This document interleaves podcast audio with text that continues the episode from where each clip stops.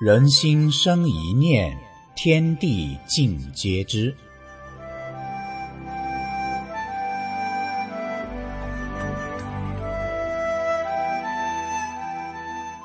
听众朋友，您好，欢迎收听明慧广播电台《善恶一念间》节目。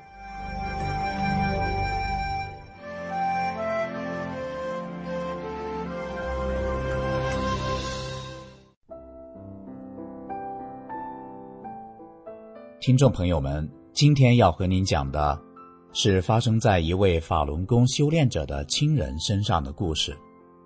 他的哥哥阳了，住院三天不见好转，他是如何治好的呢？我们来听一下他的故事。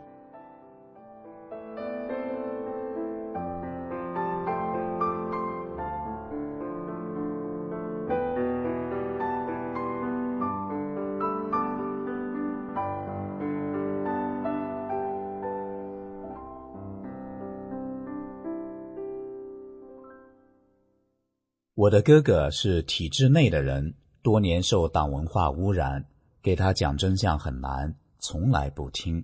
我被迫害后，他想各种办法营救我，也从不说难听话，只是觉得我太傻，不理解我为什么这么付出，失去了很多人中的荣华富贵。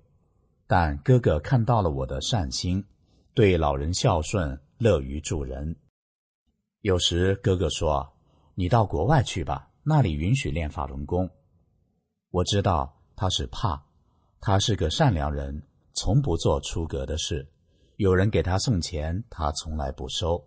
有一次，有个人送了钱，他想了各种办法给人家送回去了，因为不能让人知道这个事，否则既害了他，又害了那个人。当然，一些土特产不值钱的吃的东西，他是要的。在中国，不收任何贿赂的只有练法轮功的。二零二二年十二月底，哥哥阳了，症状不重，也没发烧。一星期后，他咳嗽了。这一咳嗽，他害怕了，因为他得过肺栓塞。结果怕啥来啥，紧接着心跳加快，血氧不正常，住院了。住院三天不见好转，我不知道他住院。因为我没阳，怕我到医院被阳了，嫂子身体实在挺不住了，才告诉我帮忙。我到医院后，哥哥的脸蜡黄，没有精神，很沮丧，说：“这病毒太可怕了，治了好几天不见好转。”我知道，虽然他多年前退党了，但他并不认可大法，那是不行的。我临走时告诉他念。法轮大法好，真善人好九个字，他把脸一扭，根本不听。出来后，我给嫂子说：“命是自己的，健康是第一位的。我练法轮功二十多年，从没吃过一粒药，这是事实。你不相信别人，你应该相信我吧？我不会骗人的。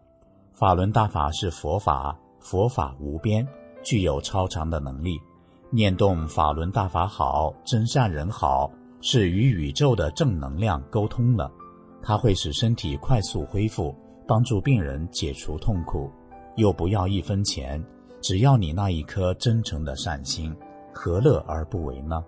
你们两人阳了之后，到现在还不能恢复正常，多难受啊！嫂子明白后，她说：“这事你交给我吧。”我说：“好。”过了一天，我又去医院看望哥哥。临走时，我又叫他念“法轮大法好，真善人好”。这次，哥哥高兴地说：“好，我知道了。”自此以后，哥哥一天比一天好。一星期后，哥哥出院了。出院时，哥哥说：“我现在的身体非常轻松，比在省级医院出院时还轻松。”我知道。这是他认可大法得的福报。